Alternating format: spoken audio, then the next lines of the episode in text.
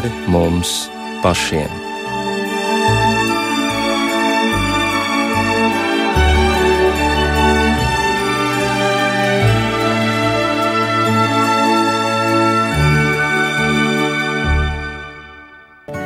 Esiet sveicināti raidījumā pāri mums pašiem, lai ir slavēts Jēzus Kristus. Studijā Inte Zēgnere par skanējumu rūpējas Katrīna Bramberga, bet mūsu raidījumā šovakar piedalās Eiropas Kristīgās akadēmijas rektore, profesore un grāmatu autore Skaidrīte Gūtmana. Labvakar! Labvakar! Un temats nav vienkāršs, bet es domāju, ka šobrīd jo īpaši aktuāls, proti, vai svētajos rakstos mēs varam atrast norādes un skaidrojumu laikam, kurā mēs pašreiz dzīvojam. E, visi mēs redzam, ka laiki ir nemierīgi, tiek piesaukti pēdējie laiki, tiek meklētas zīmes, bet vai mēs varam šādas zīmes atrast? Jūs zināt, es esmu kalniem izlasījis grāmatu savā mūžā. Un par ļoti dažādiem tematiem, sākot ar filozofiju un nobeidzot ar atomfiziku fiziku, piemēram, Nils Bors man ļoti patīk lasīt. Un visos šajos darbos ir ļoti daudz aktuālas un ļoti dziļas informācijas, jo lasām viela, tāda seklā literatūra man īpaši nekad nav interesējusi. Bet tas, ko es gribu teikt, nav aktuālākas grāmatas par svētajiem rakstiem. Svētos rakstus vienmēr var lasīt, tiešām svētos rakstus var lasīt kā avīzi šobrīd. Protams, ka svētos la rakstus lasīt nav viegli, un tāpēc ikvienam, kas gribētu saprast šo unikālo, reti interesanto un alaži aktuālo grāmatu, es ieteiktu tā. Pirmkārt, paņemt tos svētos rakstus un vienreiz izlasīt viņus. Nu, Tādu vienkārši no vāka līdz vākam? Jā, no vāka līdz vākam. Tādu, piemēram, darīja mans vecākais brālis, un paldies Dievam, ka viņš to izdarīja. Lūk, un ļoti nekas viņam nepatīk tajā grāmatā. Nekas, jā. Un tā ir laba zīme, ka tu lasi tik ļoti nopietnu tekstu un pats nesi tam gatavs, ka, kas, tad tas ir, bet piespiedies. Un arī no šādas piespiešanās uh, cilvēks manto lielu dievu svētības enerģiju. Viņam tā un, notika? Notika, un pēc tam, kad tu esi izlasījis vienreiz Bībeli, tad liec to Bībeli malā un lasi jebko, kas tev patīk, visa veida rakstura, un filozofijas, un psiholoģijas, un biznesa ieteikums, un, un es nezinu, apziņotības mācības, un ko tik ne, un jebko par jebko. Un, Kas tik grāmatā plauktos nav, lasi, kas tev patīk, bet lasi. Un tad pēc kāda laika paņem un izlasa Bībeli atkal. Bet nu jau sāc ar Jāņa evaņģēlīju, sāc ar Jāņa vēstulēm, apstuļu Jāņa. Ja? Un tādā izlases veidā izlasās Bībeles atsevišķās grāmatas, un tu ieraudzīsi unikālu lietu. Tu sapratīsi, ka ar ko cilvēku sacerējumi atšķirās no dieva gara sarakstīta darba. Un tad, kad tu to būsi sapratis, tad tev radīsies jautājums, klausies, vai tiešām man pietiek ar lasām vielu un augstākās garīgās patiesības es gribu nolikt malā? Un tev, jā, un tad tu sāksi pamazām Un pamazām, kamēr nonāks pie tādas situācijas, kā man bija Austrālijā, kad es um, tur Sidnejā biju un satikos ar vienu ļoti, ļoti slavenu juristu, Un mēs sēdējām tur viesībās pie galda, un viņš man vaicāja, kāda satura literatūra man patīkot. Ja? Un es tur, nu, protams, tikko beigusi aspirantūru filozofijas fakultātē, gribēju paspīdēt ar savām zināšanām, un diezgan interesanti saruna mums izveidojās. Un pēkšņi viņš saka, ziniet, ko? Es jums pateikšu vienu lietu. Kopš es esmu iemācījies atšķirt cilvēku sacerējumus no dievs radīta sacerējuma. Es neko citu negribu lasīt, kā vienīgi Bībeli. Un to viņš pateica, būdams ļoti slavens juridiskās zinātnes doktors un arī nu, sabiedrībā pazīstams advokāts. Lūk, tāpēc es gribu teikt tā, ka jā, ja es teikšu, ņemiet Bībeli un lasiet to kā Bībeli, nevi, ne, kā avīzi, neviens manī neklausīsies. Jo mēs jau domājam, ka mēs dzīvojam sekulārā sabiedrībā, un Bībeli, nu jā, vajadzētu laikam lielākā putekļa vētru saceltos, ja cilvēki nopūst putekļus no savām Bībelēm, un vismaz paņemt no savu plauktu un noliktu kaut kur redzamā vietā, ka tas ir mans dzīves vismaz uzdevums. Nu, tā es gribētu sākt mūsu sarunu. Nu, jā, bet, nu, saprotiet, nu, piespiedies, piespiedies, lasi, lasi, nu, kāds tur baudījums lasīt, ja es lielāko daļu, piemēram, es atšķiru nu, pirmo visu mūzus, tātad radīšanas grāmata, nu, labi, bet es tur daudz neko nesaprotu, un jo tālāk es lasu, jo vairāk es nesaprotu. Nu, Tā ir laba tas, zīme, tas, ka tu nesaproti. Tas ir normāli cilvēkam daudz lietas nesaprast. Normālam cilvēkam, tad, kad viņš nesaprot, nebūtu viss jāliek malā, tā grāmata, bet jāmēģina atrast atslēgas, ar ko to var atslēgt, to grāmatu. Tas ir tāpat kā, kad es, es atceros filozofijas fakultātē, klausījos eh, toreizējā profesora Karpovica lekcijas, un, un lai gan es eh, studēju, man bija tikai izcils atzīmes, iedomājieties, un tagad otrajā kursā viņš sāk lasīt savu lekciju kursu, es neko nesaprotu. Hm Manī tas izraisīja pārdomas par to, tad, ko es vispār saprotu, ja es sarežģītas lietas nesaprotu. Un, un tas man piespieda apgūt jēdzienus, atslēgas vārdus, pieeju tam, lai beidzot es varu saprast. Un tieši tāpat ir attiecībā uz Bībeli. Ja es nesaprotu, tad tas ir uzdevums, kas tev garīgajā pasaulē tik radikāli pietrūkst, ka tu nesaproti normālu satura garīgu tekstu. Nu, labi, tad pievērsīsimies tādam tekstam, ko tīri labi var saprast. Tas nozīmē jau jaunā derība. Piemēram, apustulis Pāvils brīdina par konkrētiem laikiem. Viņš saka, raugieties nopietni uz to, kā jūs dzīvojat, nevis kā negudri, bet kā gudri izmantojiet laiku, jo šīs dienas ir ļaunas. To saka apustulis Pāvils. Labi, paskatīsimies vēl tālāk mācekļi jautā Jēzum, bet kādas tad būs tās pēdējo laiku zīmes pirms pasaules gala? Tātad jau toreiz viņi par to spriež. Un, un Jēzus vienkārši pa punktiem sāk, sāk skaitīt šīs pazīmes kari, karu daudzināšana, tauta celsies pret tautu, valsts pret valsti, zemestrīces notiks dažādās vietās, un tālāk viņš saka, un tas būs tikai lielo bēdu iesākums.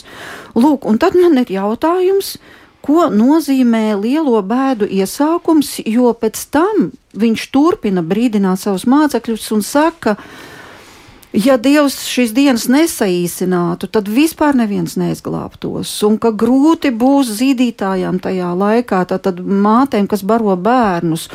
Un ka skatieties, lai tas viss neiekrīt vēl sabatā un ziemas laikā, un tā tālāk. Viņš pilnīgi konkrēti pat nu, nesaka gada laiku, bet brīdina.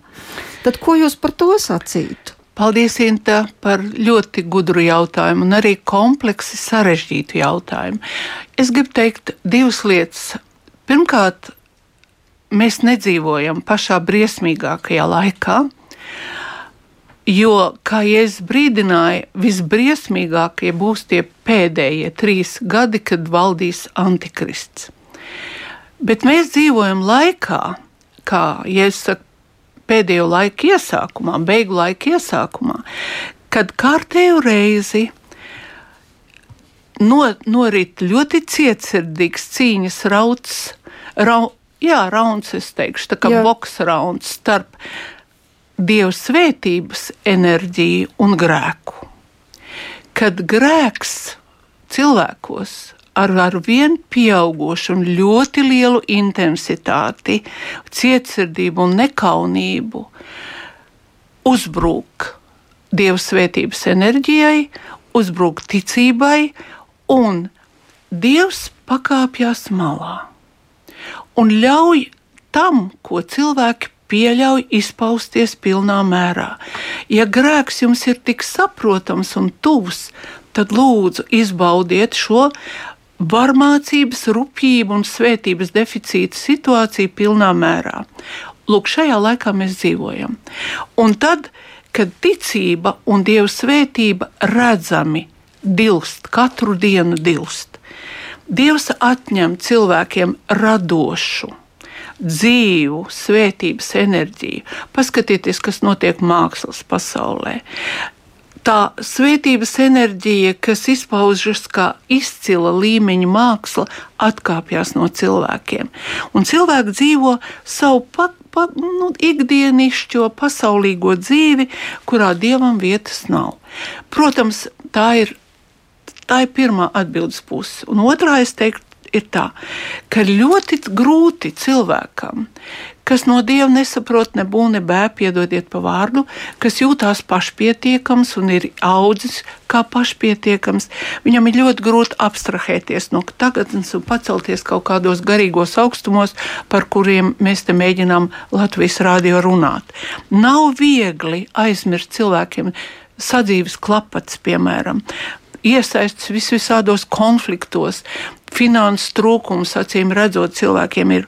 Un baznīcā, nu, ko man dos baznīca, tie cilvēki domā. Un viņi pat nezina to, ka baznīca glabā tūkstošgadīgu atslēgu šim laikmetam, gudrību.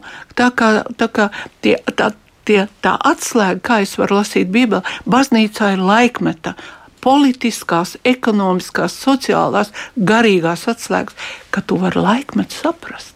Un tad, kad tu saproti, kas notiek, un tad tu zini, ka tu esi drošībā. Bērniem ir tāda spēle, kad viņi skrien. Es arī, kad spēlējos, agrāk apvelku sev ap, ap, apkārt, un viss, un man klāt neviens netiek. Lūk, tā ir baznīcā. Un, un es esmu baznīcā bijusi visu mūžu.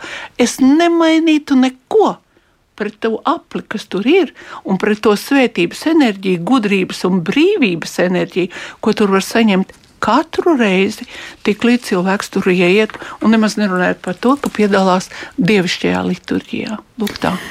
Jā, bet, protams, tā kā tas eh, punktu uzskaitījums ar to vēl nenoslēdzas, viņš arī saka par to, ka labā vēsts, tātad Jēzus saka par to, ka vēsts tiks izplatīta visā pasaulē, nu tātad tam tomēr ir sakars ar laiku. Vajadzīgs kaut kāds laiks, lai tā izplatītos visā pasaulē, un no nu jau droši vien var teikt, ka mēs ir. pie tā laika esam pienākuši. Jā, tas jau diezgan sen ir. Uh, dažādas, dažādu raksturu, gan baznīcas vēstures grāmatās, gan arī um, tādas reliģiskās filozofijas sacerējumus izlasāms, ka nu jā, tā vēsts, kas ir evaņģēlīja vēsts, ir izplatīta visās pasaules, visos pasaules vis tālākos nostūros un, un visos reģionos. Tā, tā jau bija pirmā zīme tam, ka vēstures laika uh, noslēgums tuvojas, protams. Un uh, neviens cilvēks nevar attaisnoties ar to, ka viņš nav izpratis laika vērtību. Jo redziet, te ir tāda ļoti dziļa lieta, ja es drīkstu paturpināt. Evanģēlis sarakstīts grieķu valodā.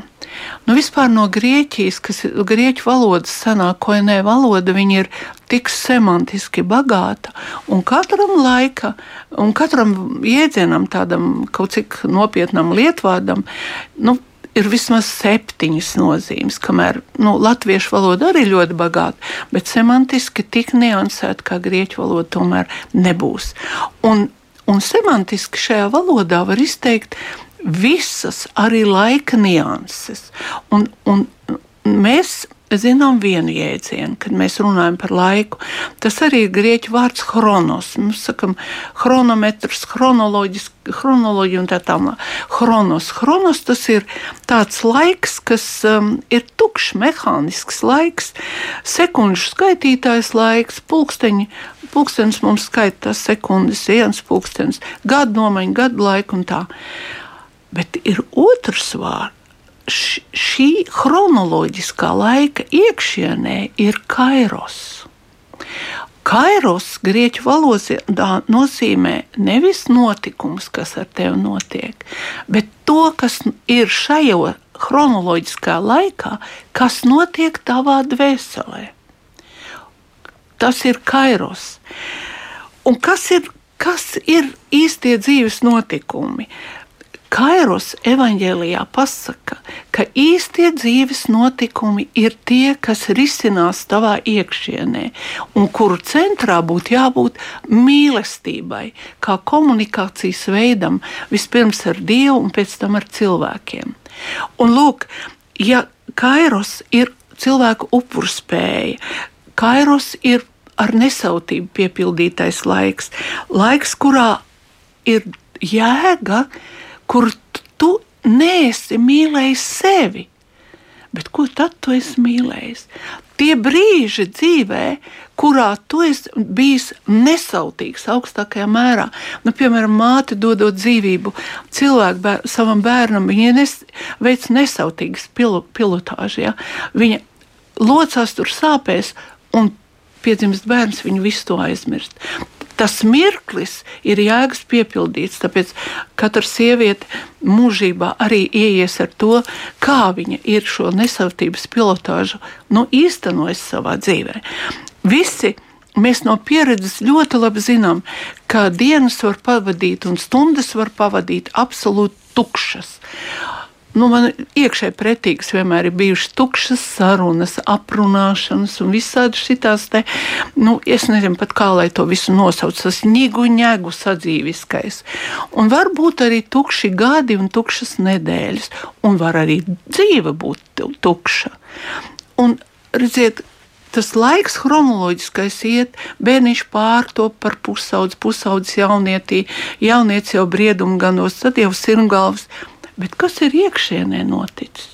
Dievs uzskaita tikai to, kas iekšienē ir noticis. Tāpēc tie, to kairos apzīmē punkt, punktveidīgi. Ļoti, ļoti maz kas ir noticis. Un kas tad ir, kam tad bija jānotiek? Redziet, un te ir tā lielā cilvēka traģēdija. Dievs ir devis cilvēkam virzienu. Tavs uzdevums ir atgūt dieva līdzību un kļūt par personību. Tas ir tavs dzīves uzdevums. Aiziet līdz personības stāvoklim. Personība rakstura brīvība, drosme, mīlestība. Un redziet, tu nodzīvo savu mūžu, nav ne gudrības, ne brīvības, ne drosmes, ne iztaponība, nav nekā tāda, kas varētu raksturot tavu personību, uh, kā garīgu būtni. Un lūk, tā ir tā, ir tā traģēdija. Nāves brīdī atveras mūžība, un tev mūžības nav. Tā ir tā izcilā laika traģēdija, kad kairos ir palaists nu, garām dzīves uh, periodā visā. Nu jā, tur ir šie jā. Bībeles vārdi, tāpēc māci mums mūsu dienas tā skaitīt. Lai mēs gudru sirdī iegūtu, jā. Tāpēc tas nozīmē, lai mūsu dzīvē ar vien vairāk būtu jēgpilni notikumi, iekšējie notikumi. Jā, jūs atklājāt tādu pilnīgi jaunu skatījumu uz Chronos un Kairos. Protams, ka mēs esam šos vārdus dzirdējuši un it kā arī saprotam, ka viens ir chronoloģiskais laiks, otrs šis mīlestības laiks, bet ko nozīmē šis mīlestības laiks un ka tādējādi Dievs skatīsies ko mēs esam Iek, savā dvēselē izkopuši. Notikumi, vai cik upuru gatavība kāda mm. ir bijusi, cik mēs esam spējuši mīlēt. E, tā es saprotu, bet tajā pašā laikā, ja mēs atgriežamies vēlreiz pie šiem Jēzus vārdiem, kur viņš pa punktiem uzskaita, kas tad notiks pēdējos laikos, tur ir arī tāda frāze, ka un tāpēc, ka netaisnība ies vairumā, mīlestība daudzos izdzisīs. Un tā vien šķiet, ka arī šo laiku mēs piedzīvojam. Nu, tas ir tāda, tāda dinamika ir uz to. Redziet, dieva līdzība. Mēs, mēs, zinām, nu, mēs zinām no bibliskās antropoloģijas, ka cilvēks ir radīts pēc dieva tēla un līdzības. Par tēlu viss ir it kā saprotams. Tas ir tik daudz sprediķos dzirdēts, un man liekas, ka ik viens klausītājs to zina. Ka dieva tēls nekādā veidā nav izņemams no cilvēka dvēseles. Bet lūk, dieva līdzība tas ir uzdevums. Tā ir tikai iespējamība. Un, ja šo iekšējo notikumu nav, ja cilvēks dzīvo tā, it kā dieva nebūtu, it kā garīgās kustības viņā nebūtu, un reducē garu darbību cilvēkā uz dažādām, es nezinu, kultūras izpausmēm, manuprāt, viņš aiziet garām laika noslēpumam, dzīves laika noslēpumam. Un Bībele saka, samelo ar savu dzīvi. Kas var būt traģiskāks, kā nevis melot ar muti, bet samelo ar savu dzīvi? Jo katrs cilvēks bērns piedzimst ar noteiktu no dieva dotu uzdevumu, jo bērns jau taču nav cēlies no pērtiķa, viņš ir dieva dāvana diviem uh, mīlošiem cilvēkiem. Un tāpēc mēs īstenībā ļoti bieži arī pedagoģija audzināšana, un nemaz nerunāja par skolu, laika noslēpumu palaižam garām, un cilvēks aiziet garām savam no dieva dotajam aicinājumam. Un mūžībā jau neko vairs nevar mainīt, mūžībā, lai, mūžībā laika vairs nav. Un To mēs nevaram pat iedomāties, ka kādreiz pat laika nav bijis. Un tad, kad Dievs rada cilvēku, Viņš viņu ieliek laikā un saka, tev ir dots mūžs, plus mīnus. Ja? Un šajā laikā tavs uzdevums ir kļūt par personību un atgūt dieva līdzību. Ne, nekad mēs to neatgūsim pilnā mērā, bet šo iekšējo garīgo kustību, dzīvojot chronoloģiskajā laikā, to Dievs novērtē visaugstākajā veidā. Un tāpēc, redziet, kad es esmu pie frizieres, vienmēr šķirt sieviešu žurnālus. Tad man ir laiks to darīt.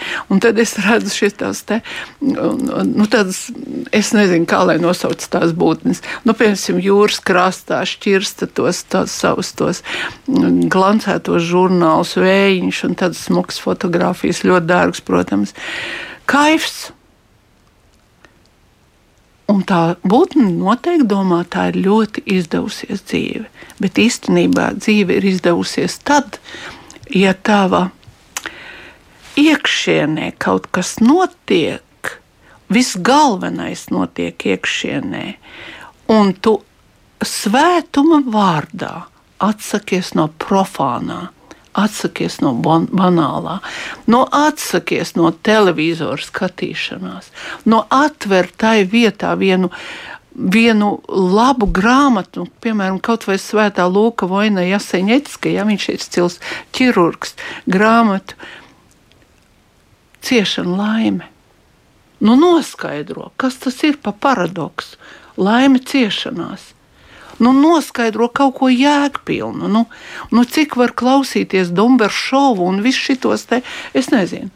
Nu, jā, laikam salauzt krēslu, vai varbūt ne?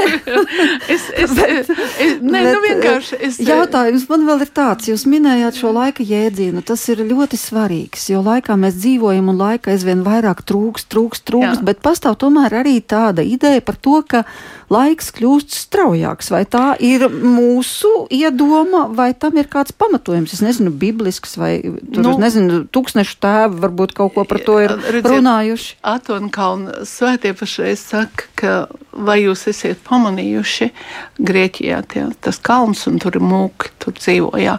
Viņi raksta savos tādās vēstulēs, vai jūs esat pamanījuši, ka ir izzudušas krēslas stundas ka rīta un vakara krēslu stundu vairs nav, un kad ļoti strauji iestājās vakars un atkal rīts, un tas krēslu stundu inguls, ingu, ilgums ir reducējies.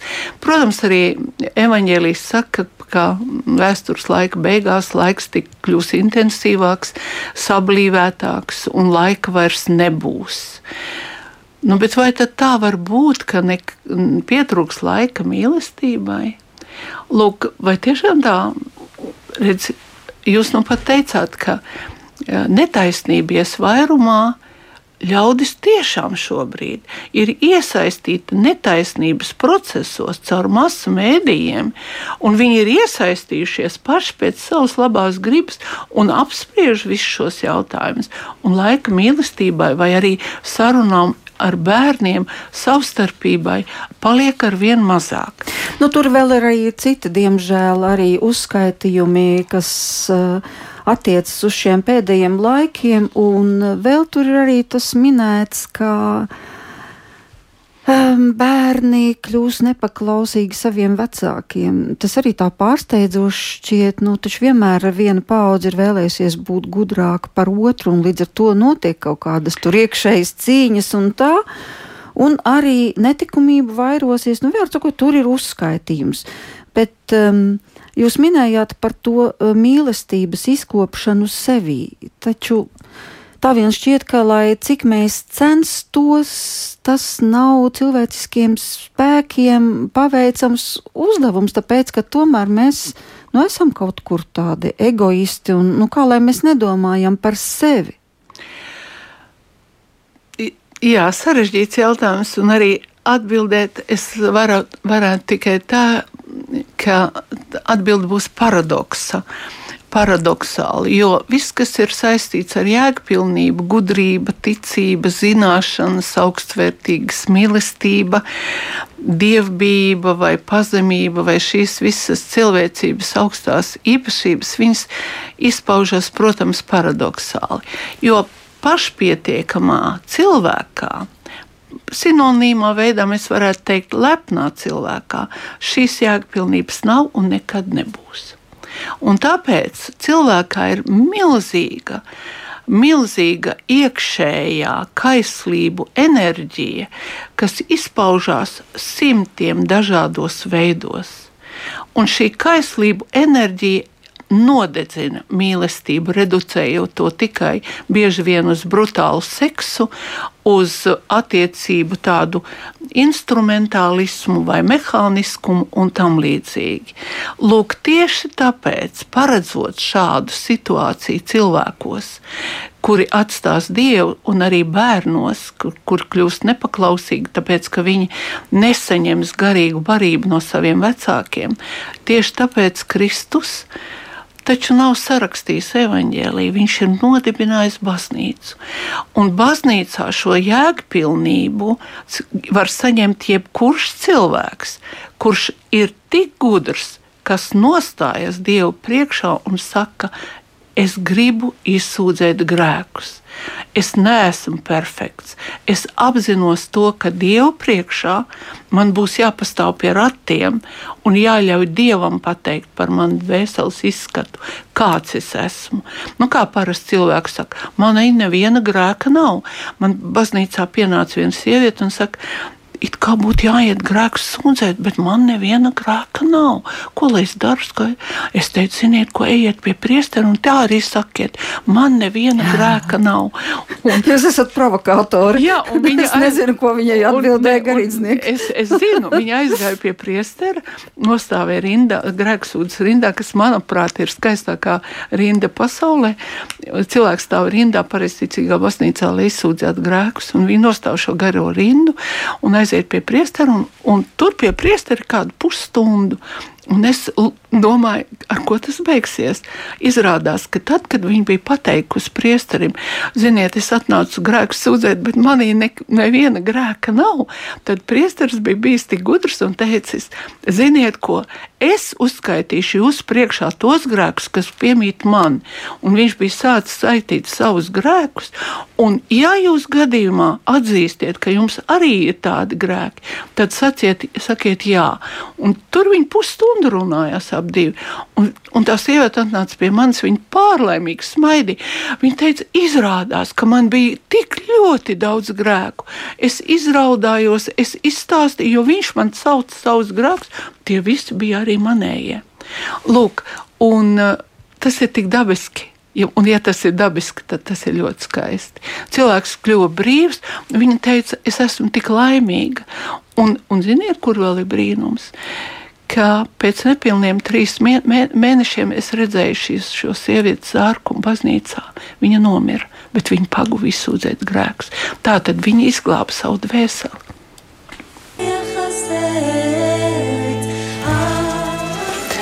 Šī dziesma ir nākusi no kristiešu kopienas Izrēlā, un to jau droši vien arī jūs pēc valodas sapratāt, jā, bet jā. arī kāpēc es to izvēlējos, tāpēc, ka šajā pašā no Jēzus dotajā uzskaitījumā ir vēl kāds teikums, kurā ir teikts, bet skatieties, nu, par tām pazīmēm runājot, viņš saka, mācieties līdzību no vīģes koka, kad viņa zaros jau pumpuri metas un lapas plaukst, tad jūs zināt, ka vasara ir tuvu klāt. Un tad, kad jūs to visu redziet, tad ziniet, ka uh, jau glābējs ir durvju priekšā. Un dažkārt mēdz asociēt, ka vīģe ir vīģes koks, tā ir Izraela tauta, un ka lūk, tāpēc, ka ir nodibinājusies Izraēlas valsts, ka tā jau ir arī viena no pazīmēm, ka tas laiks, nu, lēnām, lēnām iet savu dabisko ritējumu pretī tam laika galam. Vai jūs piekristu tādam apgalvojumam? Gluži nē, protams, es esmu, jāsaka, Izrēlā nu, pusi savas dzīves pavadījusi. Un, Es, eh, man tā gan valsts, gan tā zeme, kā svētā zeme, ir bezgalīgi dārga. Un man arī ir ļoti tuva ebreju tauta ar to, ka grūti ir atrast vienu ebreju, kas neticētu dievam. Ebreji ir ārkārtīgi reliģiozi tauta, un, un viņi ir, ir apbalvoti ar to, ka nu, viņiem ir dot no dieva svētība, ka viņi vēlēsies uztvert dievu vārdu un viņiem tiks atklāts Dieva vārds. Lūk, un tas, ka cilvēks grib un viss visādā veidā grib satvert to, ko Dievs viņam saka, tas ir ļoti, ļoti augstvērtīgi un saprotami, vismaz man noteikti. Un redziet, jebkurš devums no Dieva prasa paklausību un pazemīgu. Un ja tu sāc savu izredzētību vai savu īpašo svētības enerģiju, ko Dievs tev ir devis, pacelt pāri jebkādā veidā lepnības kategorijā, tad tas ir ļoti, ļoti bīstams stāvoklis. Un mēs taču arī zinām, ka ebreji, nu vismaz reliģiozie ebreji, ir ārkārtīgi tā ticības dzīve ir ļoti reglamentēta, tur ir aizliegumi vairāk nekā pieņem, piemēram, pareizticīgo mūkam. Viņi tic dievam, bet grib ar savu taisnību nopelnīt svētību. Pa visu makti no savu taisnību dabūt žēlsirdību. Bet bauslis, kā apelsīns Pāvils saka, un ko Kristus arī saka, bauslis pats par sevi neko nenozīmē, saka apelsīns Pāvils. Bauslība ir jānovērt pie Kristus, pie brīvības. Un, lūk, tur ir liela traģēdija apakšā, jo Izraela tauta uh, varbūt arī cieši tāpēc, kā Pāvils raksta, ka pārējām tautām ir jāieiet tajā atklāsmē, kas tika dota kā par Dievu, kā par dzīvu dzīvu personību, nevis par kaut kādu iedomu tēlu, kas ir, nu, kā cilvēki tagad saka, Dievs ir manā sirdī. Nu, tu parādi, kurā vietā tas Dievs ir, kā tu ar viņu komunicē, kā viņš atnāk, ko viņš tev saka, kā viņš sev atklāja, kur viņš pēc tam pazūd, ka tu pēkšņi esi ļauns un nenovīdīgs un aprunā citus cilvēkus. Lūk, Un tāpat arī ebreju tautai ir visi šie baušļi.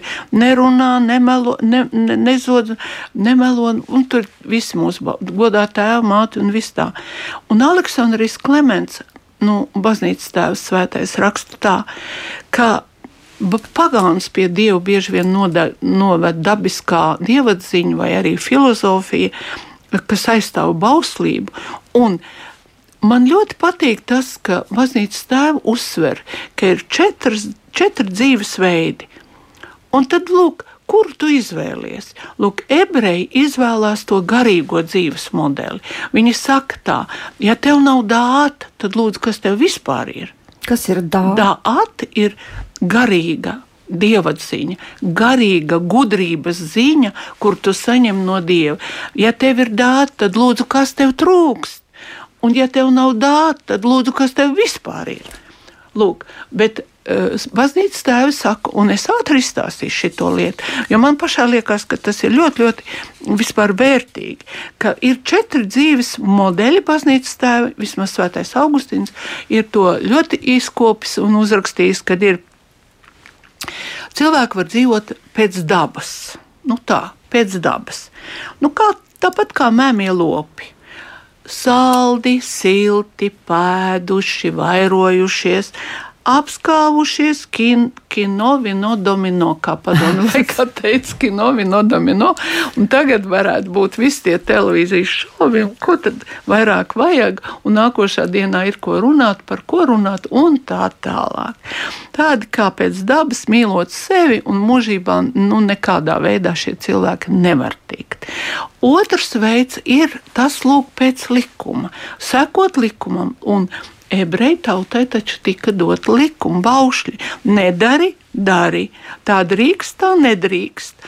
Un tas pats ieiet kristietībā. Teiksim, pareizticīgie kristieši var teikt, rītlūkšanas obligāti, vakarlūkšanas obligāti, gavēns pirms vakarēdienu obligāti, grēknožēlu obligāti, obligāti, obligāti, obligāti. Bet tā jau ir? Tā ir. Bet, ja tu redzi, ka tu bauslību izpildīt nevari, tad paskaties, vai no tavas ticības ir citiem cilvēkiem un tev prieks un gandarījums. Un ja tev tava ticība ir kļuvusi par slogu, un, ap, tad, un pa visu pasauli tu esi neapmierināts, tenko aprunā, melo, domas ir paviršas un tā tālāk, es ļaunums uz visiem un visu negatīvisms un tā tālāk, tad nekā laba tur iekšā nav.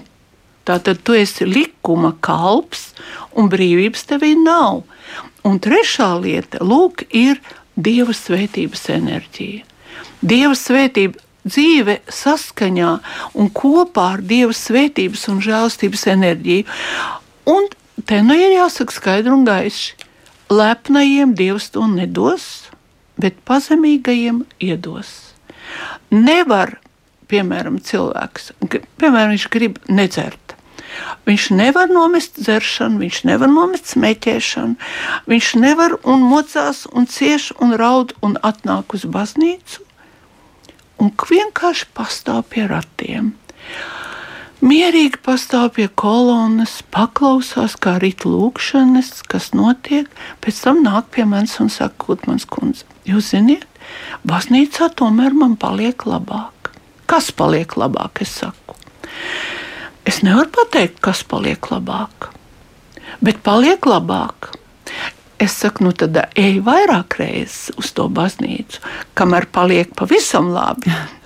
Redz, ka tas pierāda vienu lietu, ka tad, kad cilvēks ienāk baznīcā, Dievs viņam piešķir svētību, un katram tik daudz, cik viņš to var paņemt.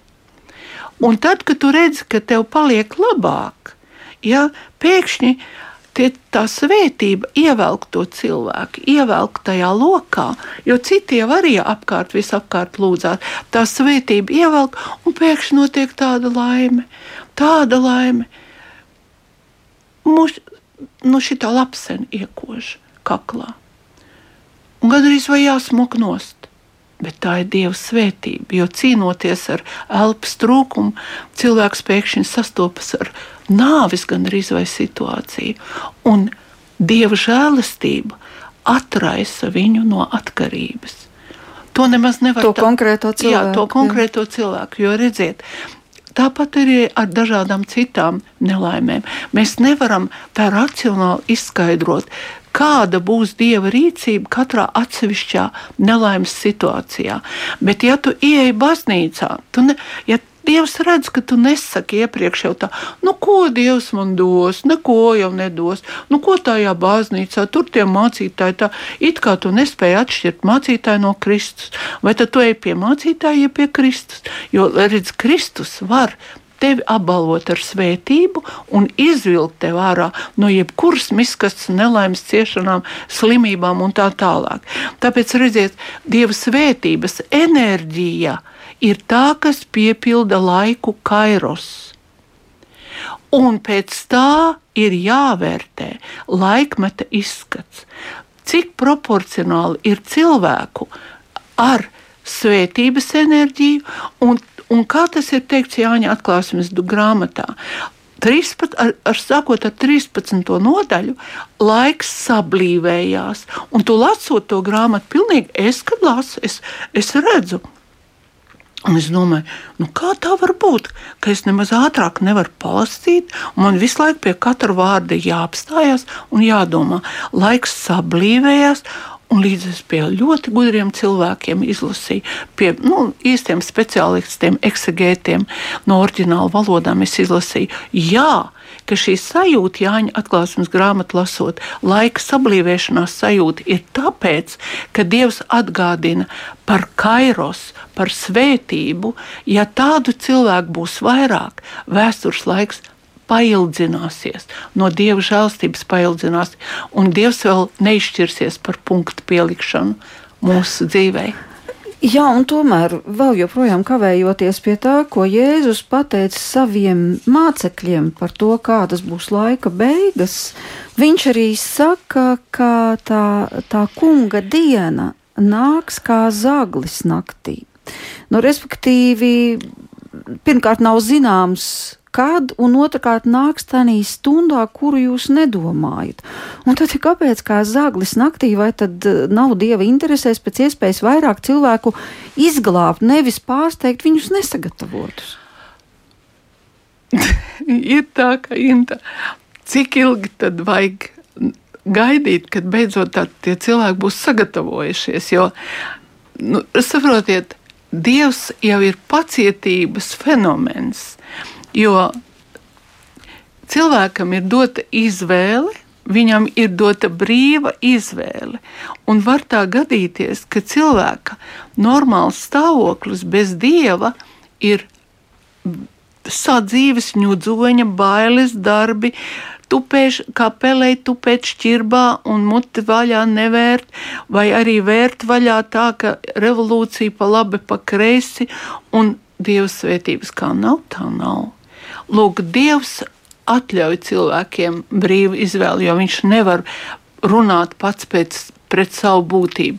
Ja viņš ir radījis cilvēku pēc savas līdzības, tad viņam ir dota brīvība izvēlēties. Un ja cilvēks izvēlas karu, netiklību, gļēvulību, bailes, ārpus svētības, dvēseles stāvokļus, tad lūk, Dievs nāks, tad, kad viņš nāks Un tas cilvēks, kas būs dzīvojis garīgu dzīvi, arī nu ko, ko Dievs izdarīs ar katru no mums, mēs taču neviens nezinām.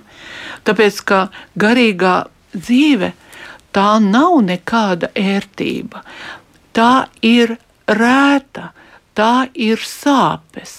Kad es esmu bijusi Izrēlā, un kad es Palestīnā vai Izrēlā noplūcu tos daļus, no kā nopina je, jēzum ērkšķu vainagu, tad tie daži ir tik spēcīgi, tā, tādi kā naglas pilnīgi.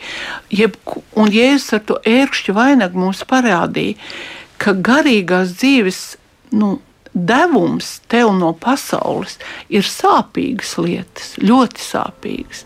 Un tāpēc arī cilvēki izvēlās dzīvi bez dieva, tāpēc ka kopā ar dievu nav garantēts šeit zemes virsū, tā kā harizmāta māca, urā, urā, zirgos, zirgos, labklājībā iekšā.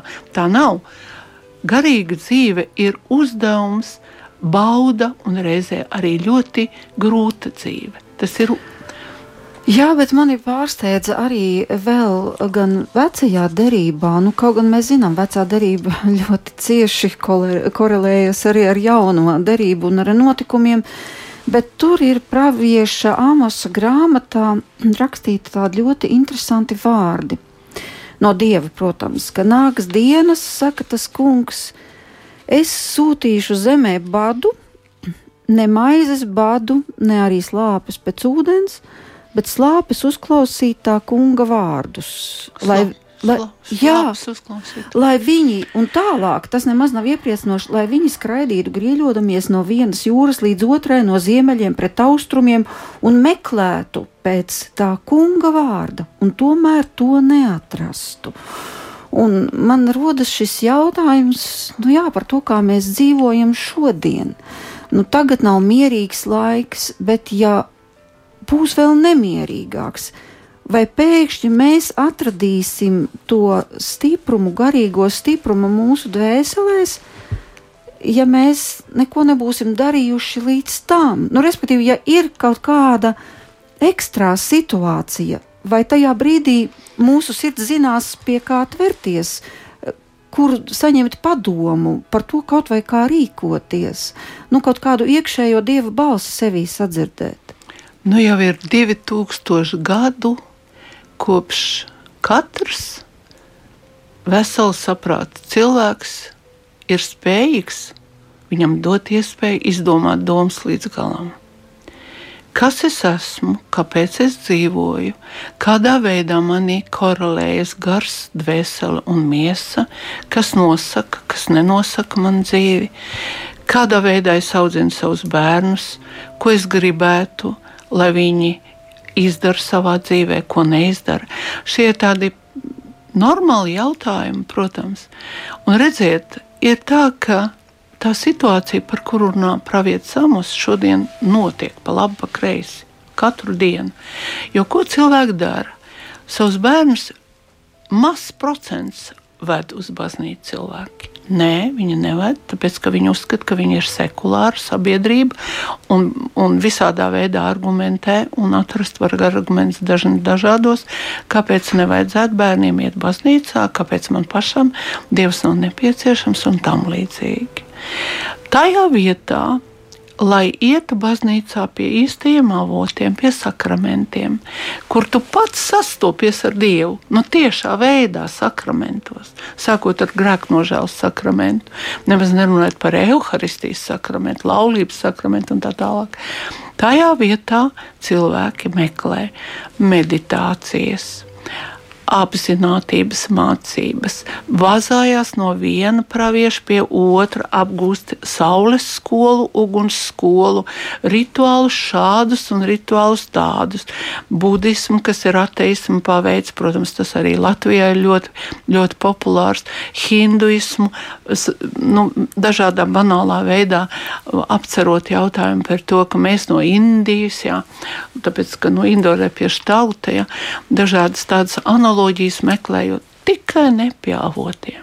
Bet slāpes jau ir. Bet slāpes kat, ir. Katrā no mums viņas slāpes ir. Es tikai domāju, dažkārt aizbērtā veidā, ka mēs tās nejūtam, bet viņas tur tik un tā. Ir. Tās slāpes ir, bet cilvēkam redzīt, ir, ir vienu, ko cilvēki negrib pieņemt, ka man ir jānostājas Dievu priekšā kā grēciniekam neviena no šīm citām un visādām slāpju, uh, nu, tā, teiksim, tā, maldīgajiem avotiem, ja, neviena no šīm piedāvājumiem ne, negandarēs slāpes.